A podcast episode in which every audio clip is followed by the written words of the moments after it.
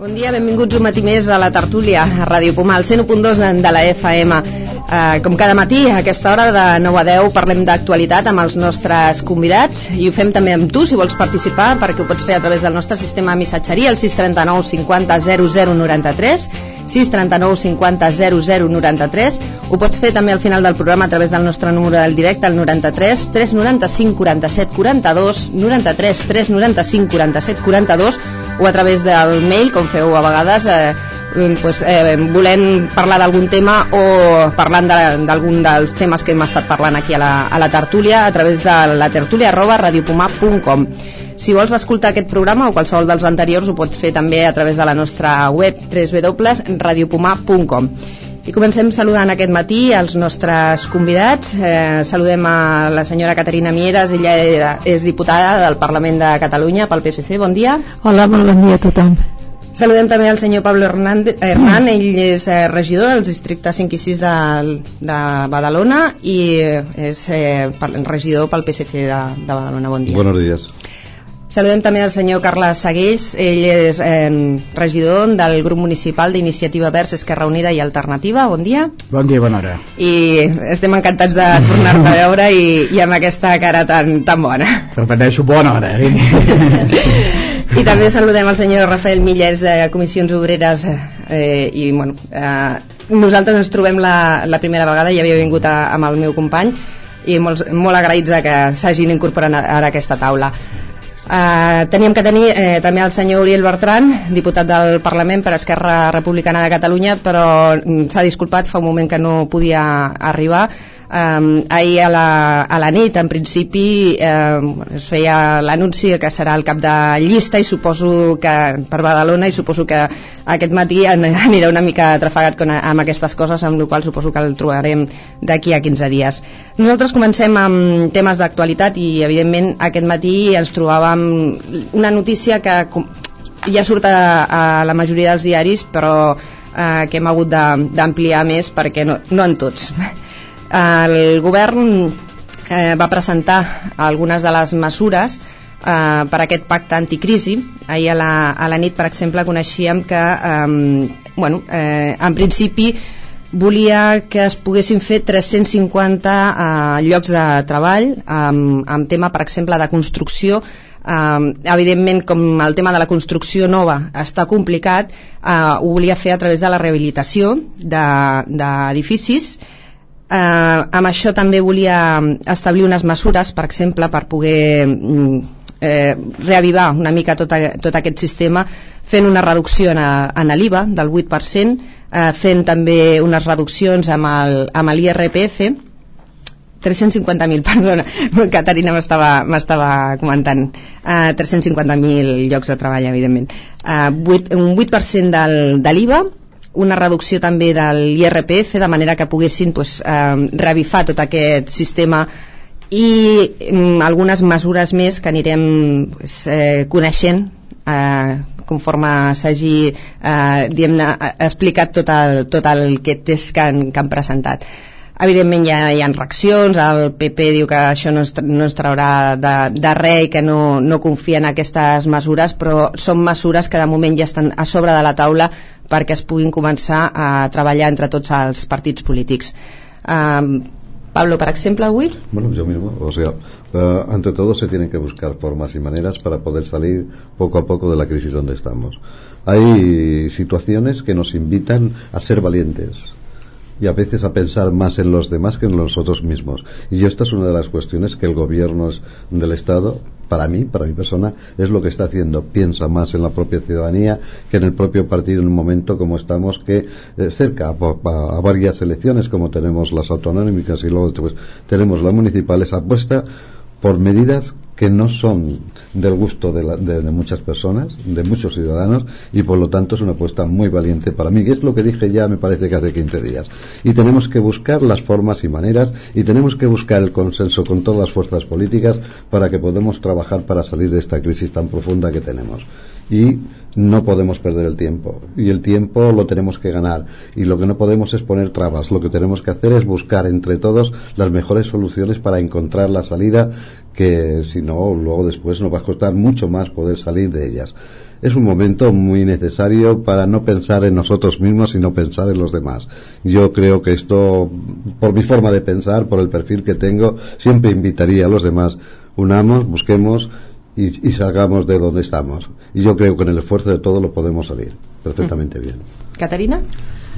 Bé, jo coincideixo molt, o sigui, jo crec que aquest matí venim, eh, em desperto ja amb la ràdio i escolto i tot plegat, doncs jo crec que una miqueta eh, tots i totes hauríem de canviar d'actitud, que el que necessita aquest país és un canvi d'actitud. La crisi és complicada, és complicada per l'Estat, és complicada per Espanya, però no tan sols per Espanya, sinó que és complicada per tothom. I també és complicada per l'Obama i està complicada pels, pels alemanys i per tothom. Eh, els mitjans de comunicació en general en funció de quina és la seva tendència política que la tenen ens en poden donar visions molt diferents.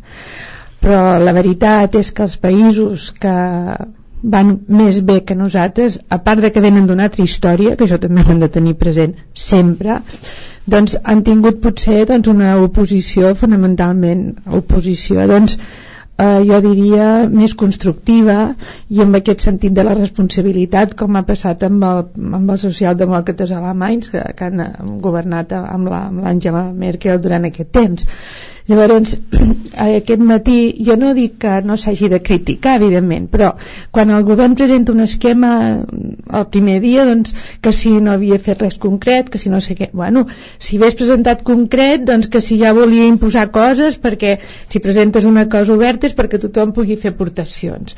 Llavors, ara, avui també hi ha una miqueta, eh? Doncs eh, ja hi som, o sigui, que si això és suficient, que si... Bueno, doncs això és un, no un punt de partida, són unes aportacions doncs, doncs jo crec que l'actitud hauria de ser de nosaltres això ens sembla malament però a més a més volem això, això altre. I jo crec sincerament que es donarà. O sigui, potser jo sóc optimista nata però jo crec que, que tots plegats som tan conscients que hem d'arribar a bon port que, que ho aconseguirem. Jo crec que aquí a Catalunya doncs eh, anem per, per un camí doncs, que ens hem anticipat o sigui, jo crec que aquest pacte aquí a Catalunya tenim més consciència encara doncs, que l'hem de fer. Eh, crec que els agents socials i el govern i ara doncs s'incorporaran els partits polítics de l'oposició doncs estan convocats a aquest diàleg i que hem d'anar per feina i, i mirar endavant.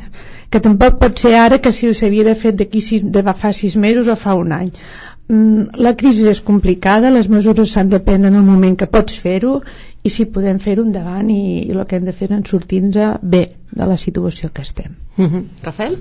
Sí, a veure no, a mi em sembla molt bé eh? qualsevol mesura que es posi sobre la taula i que indiqui una, una línia d'actuació i sobretot de voluntat de fer front a la crisi per principi em sembla bé i i no tenim cap pega a veure, el que passa és, és que em sembla que entrem en una dinàmica de l'aparell informatiu del govern que ara ens començarà a donar les, les notícies o les iniciatives doncs, dosificades en el temps. Eh? Suposo que ara durant un temps, doncs, cada 3-4 dies sortirà una nova iniciativa i una... Bueno, suposo que deuen de ser el seu parell i tal el, el, el regust que a mi em queda una mica malament és que mm, estem responent tard a la crisi i em sembla que, que, que amb aquesta història d'anar dosificant la informació pues no m'acaba d'agradar. M'agradaria que la cosa fos molt més... I si tenia un pla,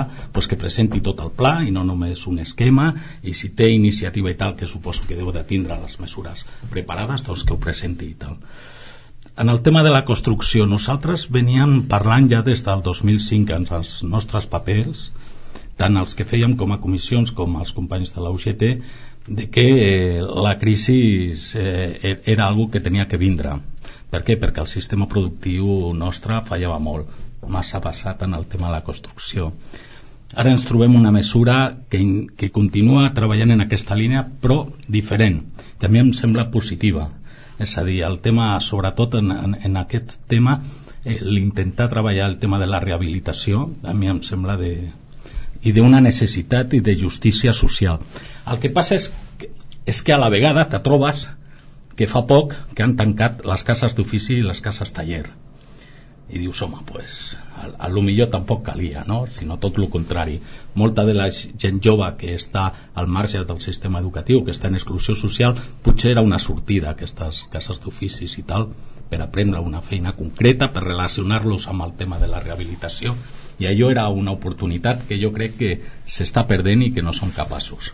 Llavors, eh, em trobo davant d'aquesta me mesura com d'altres, amb claroscuros. Eh? Eh, està bé, d'acord, però crec que es tindria que, que, que veure tot l'impacte i, i, i, i agafar tot, tot el que és el, el problema en conjunt. Mm -hmm. Carles?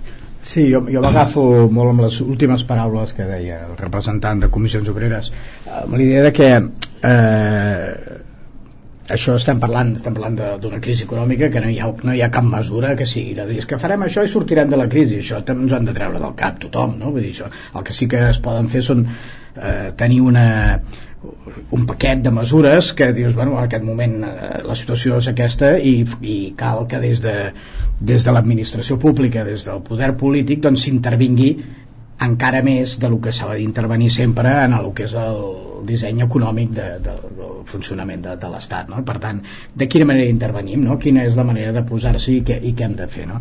i això hi ha, hi ha moltes maneres de, de fer-ho aquesta mesura, aquesta és molt concreta no?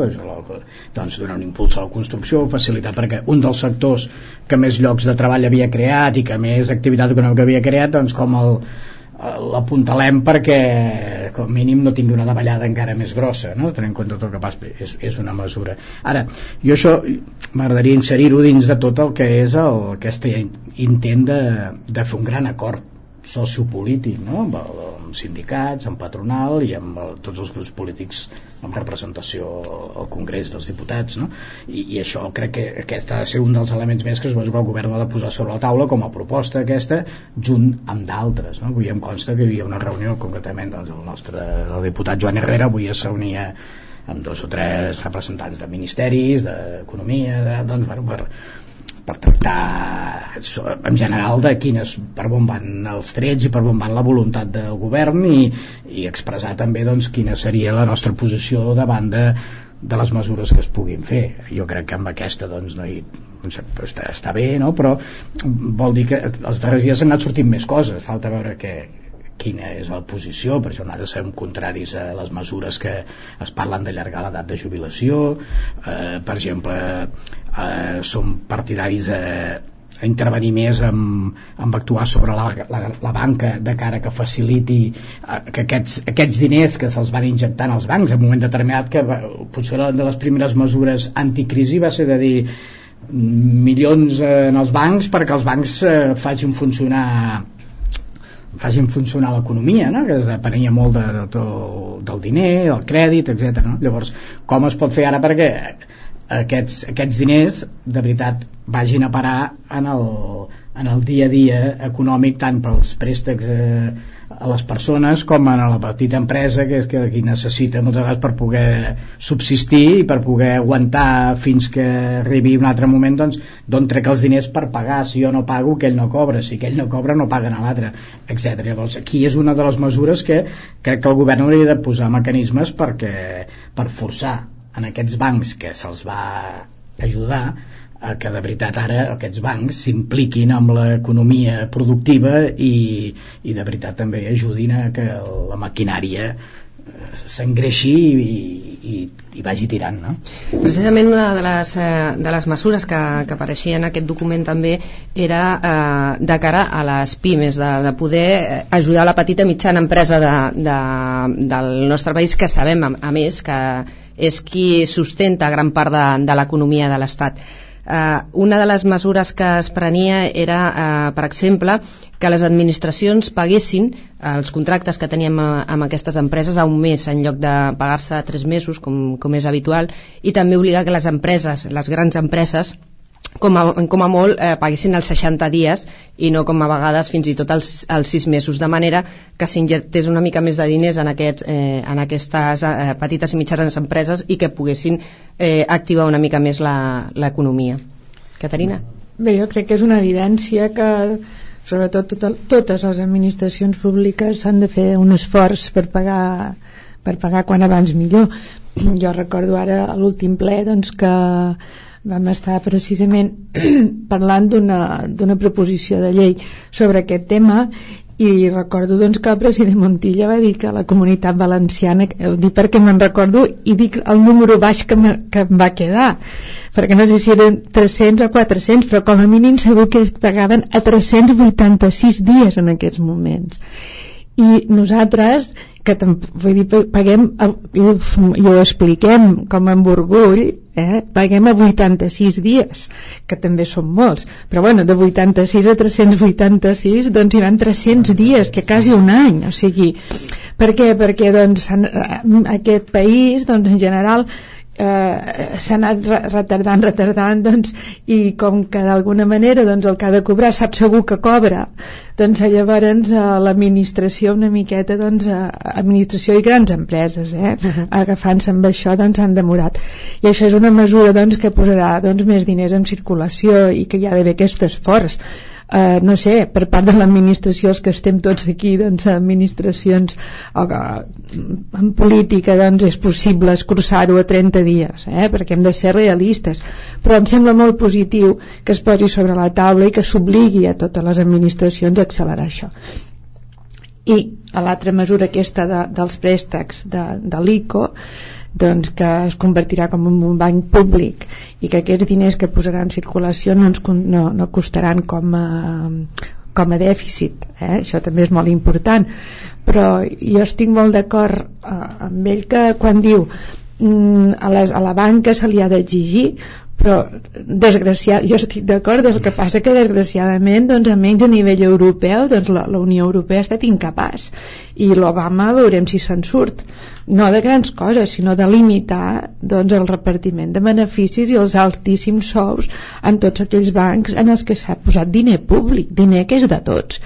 I, i la banca s'està resistint molt amb això però molt i molt i, i n'hem de ser conscients i hem d'apretar però amb el sistema democràtic que ens hem dotat doncs s'està demostrant que és molt difícil i això és una verdadera llàstima perquè de la crisi hi sortirem si tots prenem consciència. Ara sí, bé, si quan necessiten diners els hi han de posar diners de tots i a l'hora de repartir segueixen repartint d'una altra manera doncs això ens ha de fer pensar Clar, aquesta és una, és una de les grans contradiccions del sistema econòmic que tenim, no? que és el sistema que té majoritari en el món i que és el que ens hem És el millor conegut, i, i que, però eh, no és no, perfecte. No, ara, el que, per exemple, seria és millorable, no? I millorable sí, sí. precisament aquest sistema és posant-li més de veritat doncs, eh, que, que qui té el, qui té el poder legitimat per les urnes i per la democràcia, que són els, els governs, doncs que de veritat tinguin més capacitat d'actuar sobre el mercat en, en, els, en tots moments. Perquè hi ha qui, qui creu que només han d'actuar quan les coses van malament i llavors crida, aixequen la bandera i diuen eh, ajuda, no? la gran banca la gran patronal ajuda que l'Estat s'hi posi, que l'Estat els grans partits polítics de dreta, de, de dreta llavors és quan reclamen eh, que, que intervingui ara, quan l'economia torna a anar bé, quan la cosa es refà, quan tot funciona, llavors diu, ara deixeu-nos a fer sols, no us volem ni veure aquí, eh? no us hi poseu pel mig i qualsevol mesura eh, política decisòria d'intervenir d'intervenir en el sentit de, doncs, de corregir no? Eh, quan, per exemple, amb tot el, el boom de la construcció siguessin mesures intervencionistes eh, jo me'n recordo que he tingut un debat amb un representant d'Unió Democràtica amb un altre mitjà de comunicació eh, quan la llei de l'habitatge de Catalunya que se'm posava, m'atacava visceralment perquè deia que el que volia el govern de Catalunya era intervenir en el mercat. Jo deia, doncs clar que vol intervenir el mercat, és que només faltaria amb el problema de l'habitatge que hi ha amb els preus que hi ha això, que tu què, què estàs dient? que ens han, el govern s'ho ha de mirar des de la barrera i dir mira com va pujant el preu de l'habitatge? Mira la gent, no, com, no poden comprar no poden llogar, oh, què, què deu passar? I això, això no es pot fer t'hi has de posar, però que aquell era el moment del boom i deien que no ens hi havíem de posar o... i ara diuen com és que no s'hi posen diners? Com és que la, el govern? Clar, això no pot ser. I això hauríem de ser rigorosos i hauríem de tenir tots memòria dels, en tot moment no? de dir què li demanem eh, en el poder polític que és qui té el poder legitimat per la població? Què li estem demanant? I què li diem ara? I què li direm quan, quan l'economia es recuperi?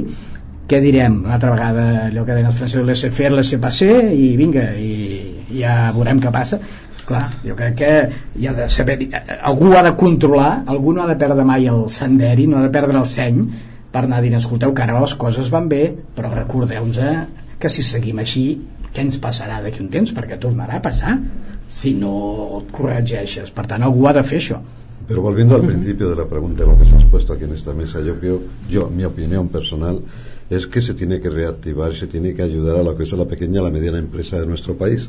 Los fundamentos de la, la economía de nuestro país está basada en la pequeña y la mediana empresa.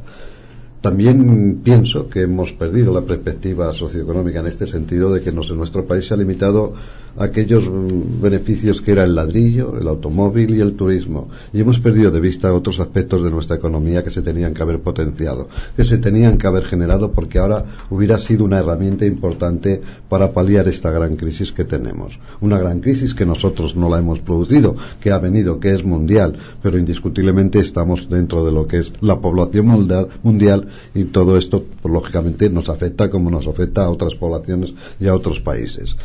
Se tendrían que hacer valoraciones y estudios para que esto poderlo potenciar, para poder desarrollar otras nuevas fuerzas de economía en nuestro país. Pero también pienso cuando se habla de la banca que yo he empezado a pensar hacia atrás y también habrá que hacer pedagogía porque nuestra historia está basada siempre en aquellos que han mandado, cómo han mandado y quién es el que ayudaba a que mandaran porque la historia esto me lo ha enseñado a través de lo que he leído, de lo que he escuchado y eso se va corrigiendo, pero todavía nos falta mucho camino por desarrollar para llegar a esos puntos de partida de que todos los beneficios de unos vienen por los otros. Y esto es lo que tenemos que dar cuenta, y esto es lo que nos tenemos que fomentar, y esto es lo que tenemos que desarrollar también en este sentido, que los bancos, si son bancos y tienen beneficios, es porque lo, los ciudadanos vamos depositando allí lo que poco o mucho que ahorremos y esto hace que los bancos cada vez tengan más poder. Y se han convertido también en piezas fundamentales mercantilistas ¿eh? porque también ellos hacen sus grandes negocios sus grandes trucs en fin todo lo que he podido leer y escuchar. No soy eh, no soy un experto en socioeconomía y sobre todo en macroeconomía pero bueno yo la economía que he vivido y que he escuchado y la que siento es la que mi pareja va desarrollando con la mensualidad que yo gano y cómo la va desarrollando. Y lo otro pues bueno son las dificultades que te cuesta llegar o les, nos cuesta llegar a la mayoría parte de la población en ese sentido. Por lo tanto, buscar nuevas fórmulas, desarrollarlas más, hacer un poco pedagogía y que a la hora de arrimar el hombro, como siempre hemos dicho, lo tenemos que arrimar todos. Les administracions públiques eh, comentàvem que eh, una de les mesures seria que paguessin a, a 30 dies, una mesura potser que eh, les grans administracions eh, potser li és més fàcil però amb els eh, ajuntaments i fins i tot els petits ajuntaments eh, li, serà, li serà fàcil poder eh, fer front a aquesta mesura?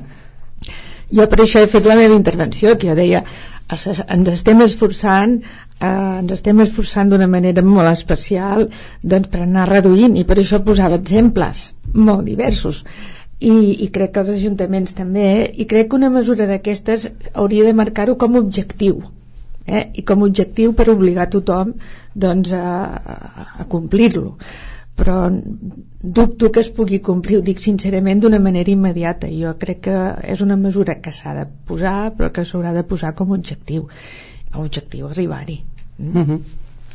no sé vosaltres que esteu a l'Ajuntament. No, jo també penso doncs, que en un moment en eh, què s'ha de ser realista. Ah, i, que, i en però que, que està les, bé. les necessitats de la societat demanden de l'administració pública mmm, que fins i tot no li demanen directament que generi aquest dèficit però forcen a generar dèficit perquè s'ha de cobrir tota una sèrie de despesa social en aquests moments que se sempre se n'ha de cobrir però en aquests moments molt més perquè mesures per sortir de la crisi vol dir doncs, eh, reconstruïm l'economia, etc. però mentrestant hi han d'haver un altre tipus de mesures que són les, les pal·liatives, les de dir, però tota, en aquests moments tota la misèria que s'està creant, totes les dificultats socials que estan apareixent, qui les ha de, com, com s'han de cobrir, amb quins diners s'ha de cobrir totes les beques de menjador, l'atenció social, la sanitat pública, etc. Tot això ha de sortir aquests diners d'on surten també? No surten tampoc ni de la gran patronal ni surten de la banca, surten de l'administració pública que vol dir que s'ha d'endeutar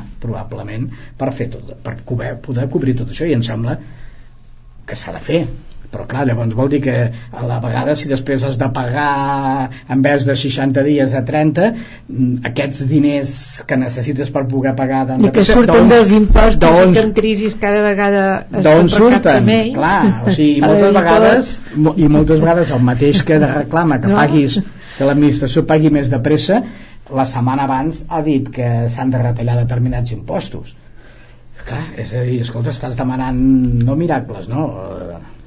Això les senyores ho tenim molt clar. Molt més, eh? O sigui que és molt complicat, eh? M'ha fet gràcia perquè la meva companya doncs, administra i he pensat és que les dones quan administrem sabem que no podem cobrar menys i gastar més, impossible. Sí, sempre s'ha dit que l'economia, la, la petita economia que és la que comença a, la, a les cases eh, la, la controlen més les, les dones que no pas el, els homes, no sé si per tema de, històric, però moltes vegades diuen que eh, a vegades eh, multipliquen els diners que tenen per poder arribar. Per multiplicar diners són més creatives. Sí, potser sí.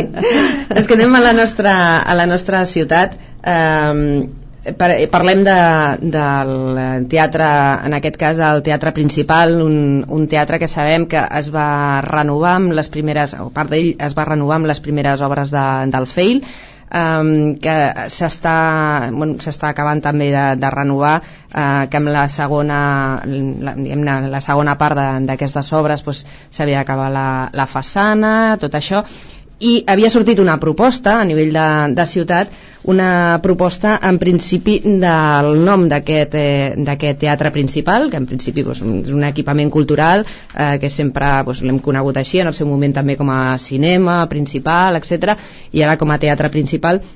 I en aquest cas la, la campanya que sortia era una campanya que volia eh, proposar eh, el nom d'Enric Borràs l'actor badaloní eh, com a nom per a aquest eh, pues, teatre principal o aquest eh, eh, teatre que, que en principi s'està renovant és, un, és una proposta que en principi el, el nostre alcalde eh, feia una proposta alternativa i era posar a la segona sala, la sala, en la sala més petita d'aquest teatre, precisament aquest nom, Enric Borràs.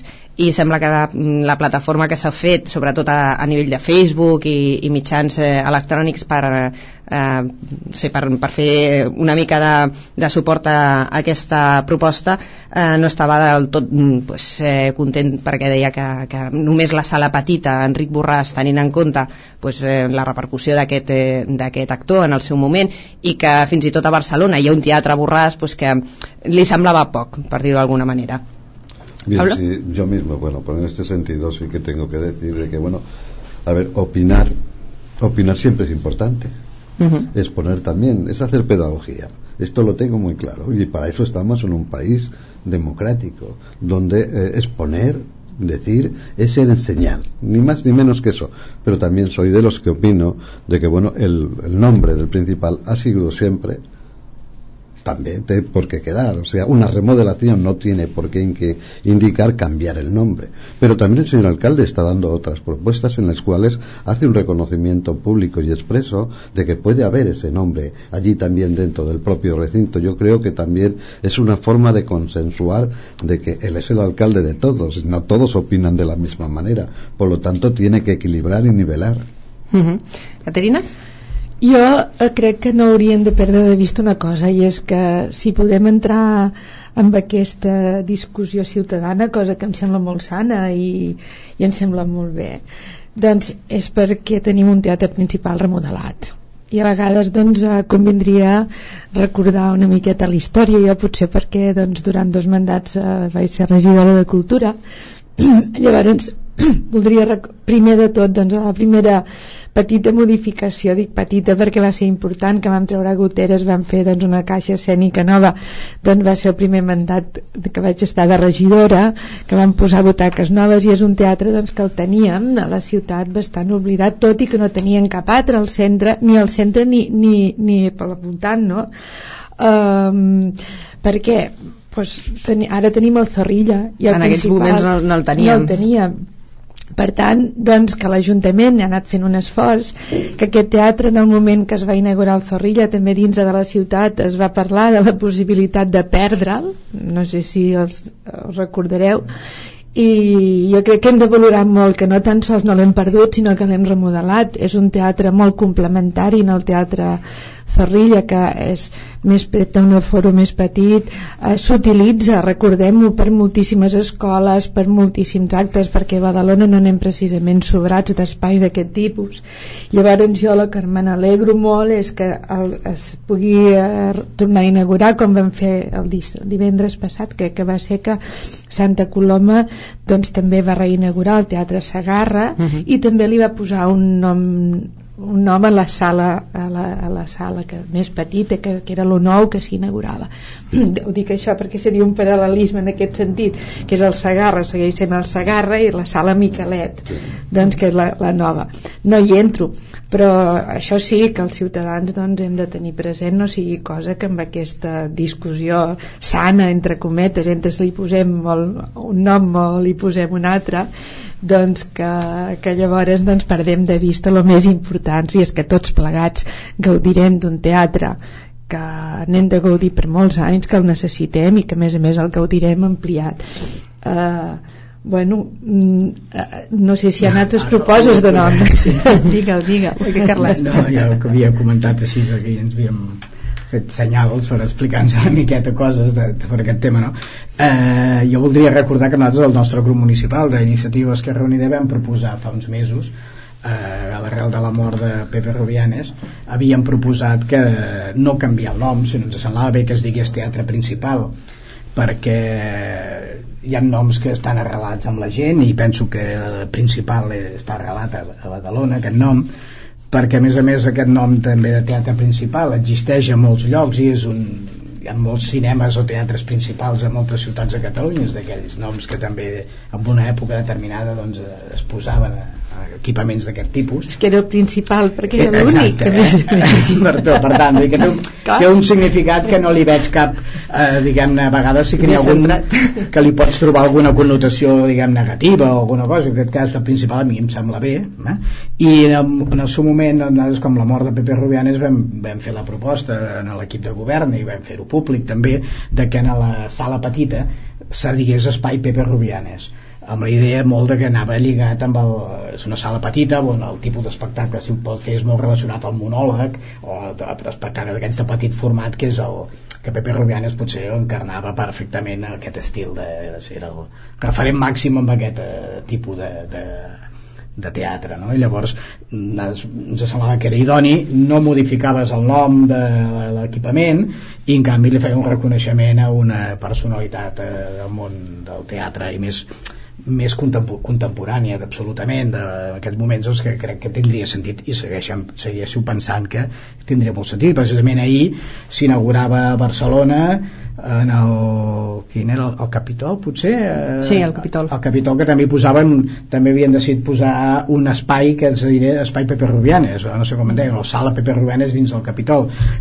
Fet que ens a la sala 1 del Capitol. Ah, exacte, eh? doncs eh, bé que és per tant en la mateixa línia de que, que vam dir nosaltres. A mi em sembla que, este, que estaria bé eh, jo segueixo pensant que està bé que es dongui el nom d'Espai Pepe Rubianes a la sala petita de, de l'actual principal. El, a l'actual principal precisament vam tenir el Pepe Rubianes fa 4 anys a la mostra de teatre que, que bueno, mm, es fa a nivell de, de Badalona però que impulsem des d'aquí, de, des, des de Pumal vam tenir el, sí, recordo, el Pepe Rubianes, la Caterina va venir a veure i vam disfrutar molt, com bojos amb, amb ell perquè era una persona a més molt propera i era una persona que bueno, mm, transmitia molta mm, molta energia a tota la, la gent que, que anava a veure'l Uh, Rafael?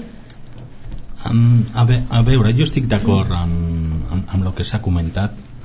A, a mi el, el que sí que me crida l'atenció d'això és la força de les noves comunicacions, de les noves, dels nous mitjans de comunicació, d'aquestes redes socials i com a vegada li fem, jo crec que, que massa atenció. A vegades ens perdrem al darrere d'aquestes, que per mi són pedres, no? I ens oblidem de que tenim un sistema que el tenim que defensar, que ens hem dotat tots, que és el democràtic i que hi ha uns sistemes de participació que són els partits polítics, hi ha una forma de participar en la vida associativa d'una localitat a través d'entitats, no sé què, amb cara i ulls i demés. I aquestes no sé, aquestes redes, aquests nuclis que apleguen a 200 a 300 eh, signatures al darrere que no saps ben bé moltes vegades qui són a mi em posen una mica els, els pèl de punta perquè al final el que venen a dir és que el sistema tradicional el que tenim manca, no està a l'alçada falla, cal modificar-lo i, i, i jo crec que, que això tenim que ser com bastant clars.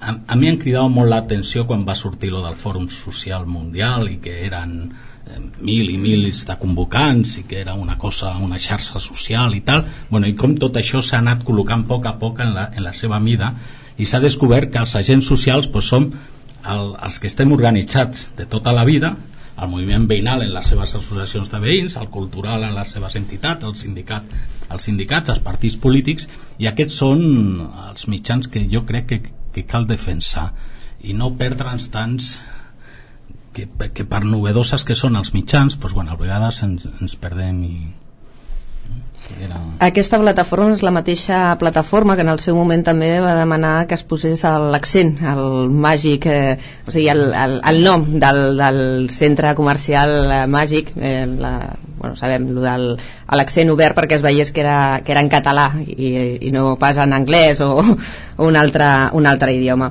Una altra de les eh, notícies, i això no, no era d'avui, però m'agradaria comentar-lo perquè em sembla eh, una mesura com a mínim que mm, hauríem de tenir en compte. I sobretot eh, bueno, sabem que en època de crisi eh, la, els robatoris augmenten i, i és normal, hi ha molta gent que, que es queda a l'atur, que es queda sense aquesta prestació a més eh, i, i ara mateix doncs, ja ens estem trobant amb, amb un augment de la, de, dels robatoris i no, no només aquí sinó a tot l'estat evidentment. Però es va, es va prendre una mesura per part d'una jutgessa que eh, feia una ordre de, de, de manera que no es poguessin apropar els que havien agafat eh, reincidents amb aquells robatoris de, dels bars aquí a, a Badalona i en principi és una, una manera d'evitar que es puguin tornar a apropar a la, a la ciutat. Evidentment és una mesura una mica complicada perquè moltes vegades no pots controlar totes aquestes coses. Evidentment la policia ha de fer moltes més, eh, més intervencions que no passa això però és una, una mesura a tenir en compte. Pionera a tot l'estat perquè això no havia, no havia passat mai. Eh, en principi el que es deia també és que el, es volia fer un front comú de manera que això es generalitzés una, una mica i, i es pogués eh, dur a terme també a la, a la nostra ciutat Carles? Bé, eh, és una mesura, una mesura més això de, un, un dels, dels inconvenients que té eh, sembla ser el Codi Penal en aquests moments, doncs això de la reincidència que no està prou eh, tipificada com perquè hi hagi una un increment de, en base a la reincidència doncs un increment eh, de la pena o de, que si faci més, més, eh, més fàcil o permeti més doncs, el, que apartar aquesta persona doncs, de les seves activitats delictives no? per tant, bé, sí, a més a més eh, una mesura que això es, es pot fer, una cosa que s'ha dit doncs, que no que la persona una, una llunyania de, de la ciutat a on, a on ha estat eh, eh, capturat fent les seves malifetes diguem-ne, doncs mira, està bé però el que passa aquestes mesures a mi em sembla que de fet no sé si en la realitat poden tenir un efecte no? perquè si tu és una persona reincident d'haver actuat ja en molts bars en bones ciutats no sé per, per què ara una jutgessa determinada, una sentència digui que no pots anar en aquesta ciutat o, o, o hi ha una, una capacitat de controlar en aquella persona a veure on va i què fa o si no, no sé què li, què li impedirà amb una persona que ja és reincident delictivament eh, tornar-ho tornar a fer perquè ara li diguin que no, no pot anar a Badalona i haurà d'anar a Santa Coloma no sé si això tindrà quin efecte a, eh, a la pràctica eh? una cosa és que en teoria puguis dir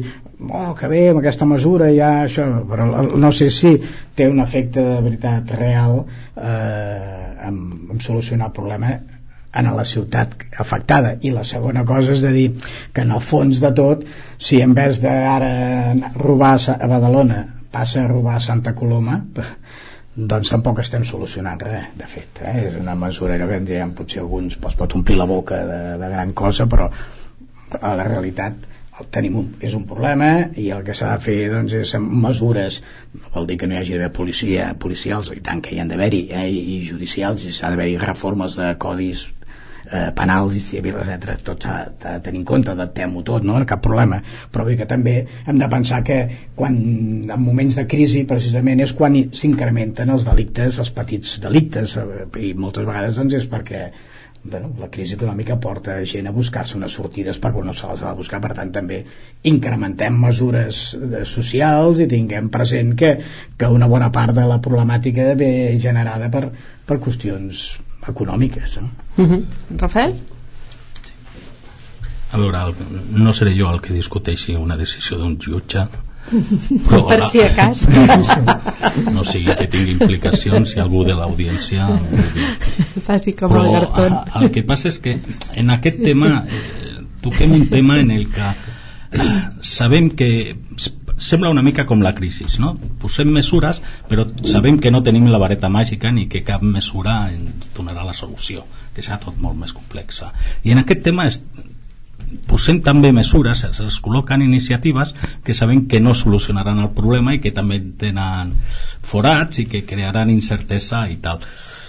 A veure, una mesura d'aquest tipus és el que deia abans el company Sagués no, no té garantissa primer ni que, ni que puguin eh, delictir també a, a Badalona un altre cop ni que ho facin al costat eh, i, i la solució quina és? posar també un collaret eh, bueno, no ho sé és, és que a vegades se m'escapa molt aquestes coses no?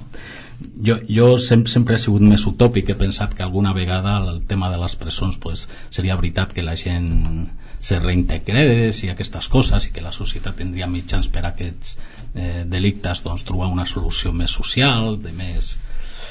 Però es veu que passa el temps i que no hi ha, no hi ha solució. I la delinqüència continuarà essent. Si hi ha crisi econòmica serà més d'un tipus si no serà d'un altre bueno,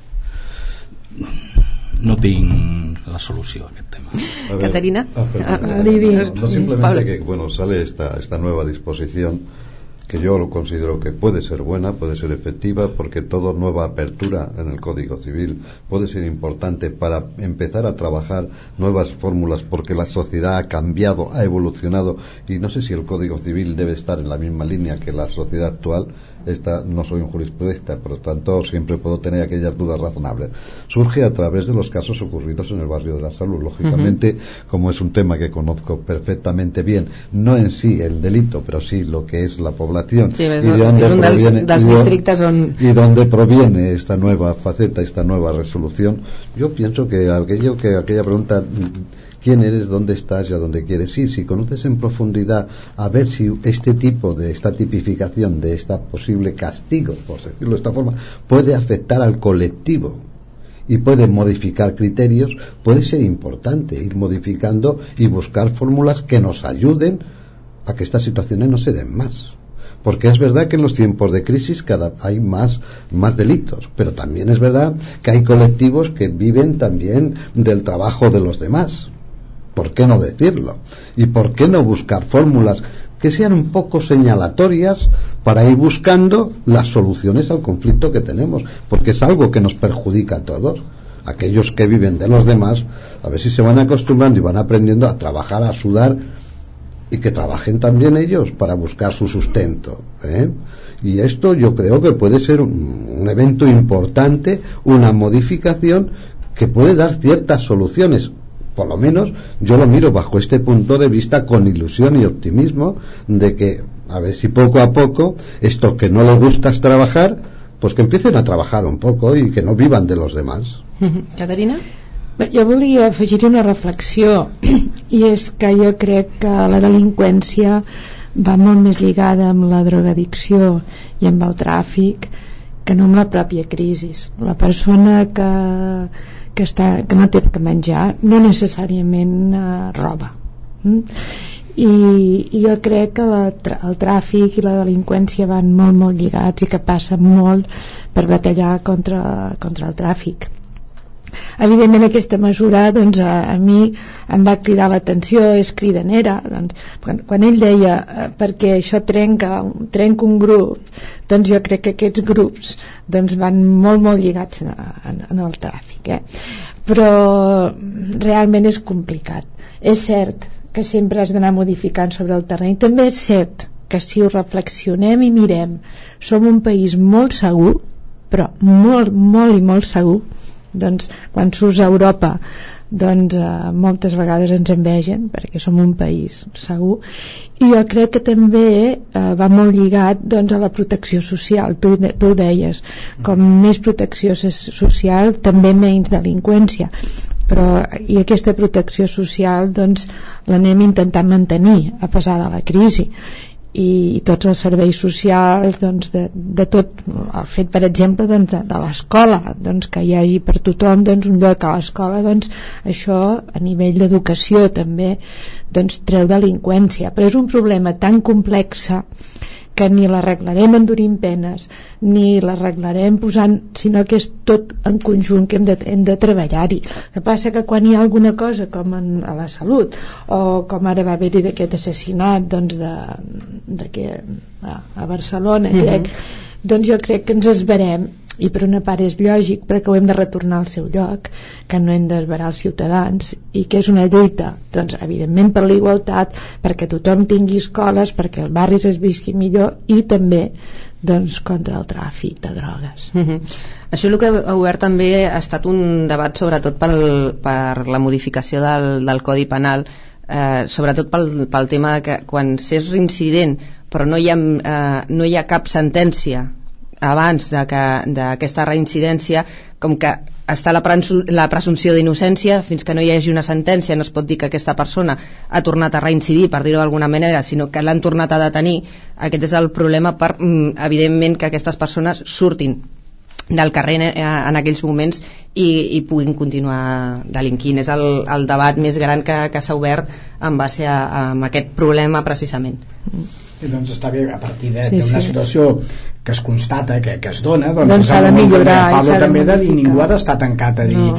escolta, doncs estudiem de quina manera podríem modificar per, per evitar aquesta perquè la, la llei està pensada per protegir l'innocent llavors què és el que succeeix? doncs que moltes vegades d'aquesta protecció de l'innocent se'n beneficia el culpable també no? i llavors hem de mirar doncs, tot el que es pugui corregir en el sentit de que la persona innocent segueixi al màxim de protegida i a la vegada doncs, agilitzis les maneres d'intervenir cap a qui se l'ha de castigar això és, el, és la gràcia de, de no ser immobilistes amb les coses Escolta, hem de saber adaptar-nos a, mhm. a les realitats i creieu Exacte. que no és més no és més a lo millor un problema de l'agilitat que pot tenir els, els jutjats en aquests moments jutjant aquests, aquests casos perquè sabem que hi ha una, eh, un retard moltes vegades de fins i tot 4 i 5 anys eh, per jutjar algun problema com aquests i, i, i en canvi no passa a lo millor tant con, del Codi Penal perquè a lo millor està ben tipificat en el Codi Penal penal però com que no es pot eh, tenir una sentència en el moment que, que es necessita doncs evidentment això ho, ho, sí, ho allarguem més però penso que també a veure con qué herramientas tengo y cómo puedo trabajar. Exacto. Yo es que no me se ocurre nada más que decir esto, ¿no? porque a mí, claro, me gustaría que las cosas fueran mucho más ágiles en todos los sentidos, en todos y para todos. Pero claro, si nada más tengo lo que tengo, tendré que buscar la imaginación para poder resolverlo. Mm -hmm. sí, S'han de buscar modificacions mentre no aconseguim doncs, que els judicis en vez de durar tant o, o s'aplacin tant siguin al cap de 8 dies doncs eh, hem de buscar solucions pràctiques que ens millorin aquesta situació això és una obligació política sempre pues ens ha acabat el temps, ens queda un minut eh, per acomiadar-nos. Moltes gràcies, Carla Segués, per haver estat aquest de matí. Molta, moltes, eh, moltes gràcies a Rafael Milla també per haver-nos acompanyat, a Caterina Mieres i a Pablo Hernán per haver estat aquest de matí. Amb vosaltres ens trobem demà a les 9 aquí puntuals a Ràdio Pomal 101.2 de la FM. Moltes gràcies i bon dia.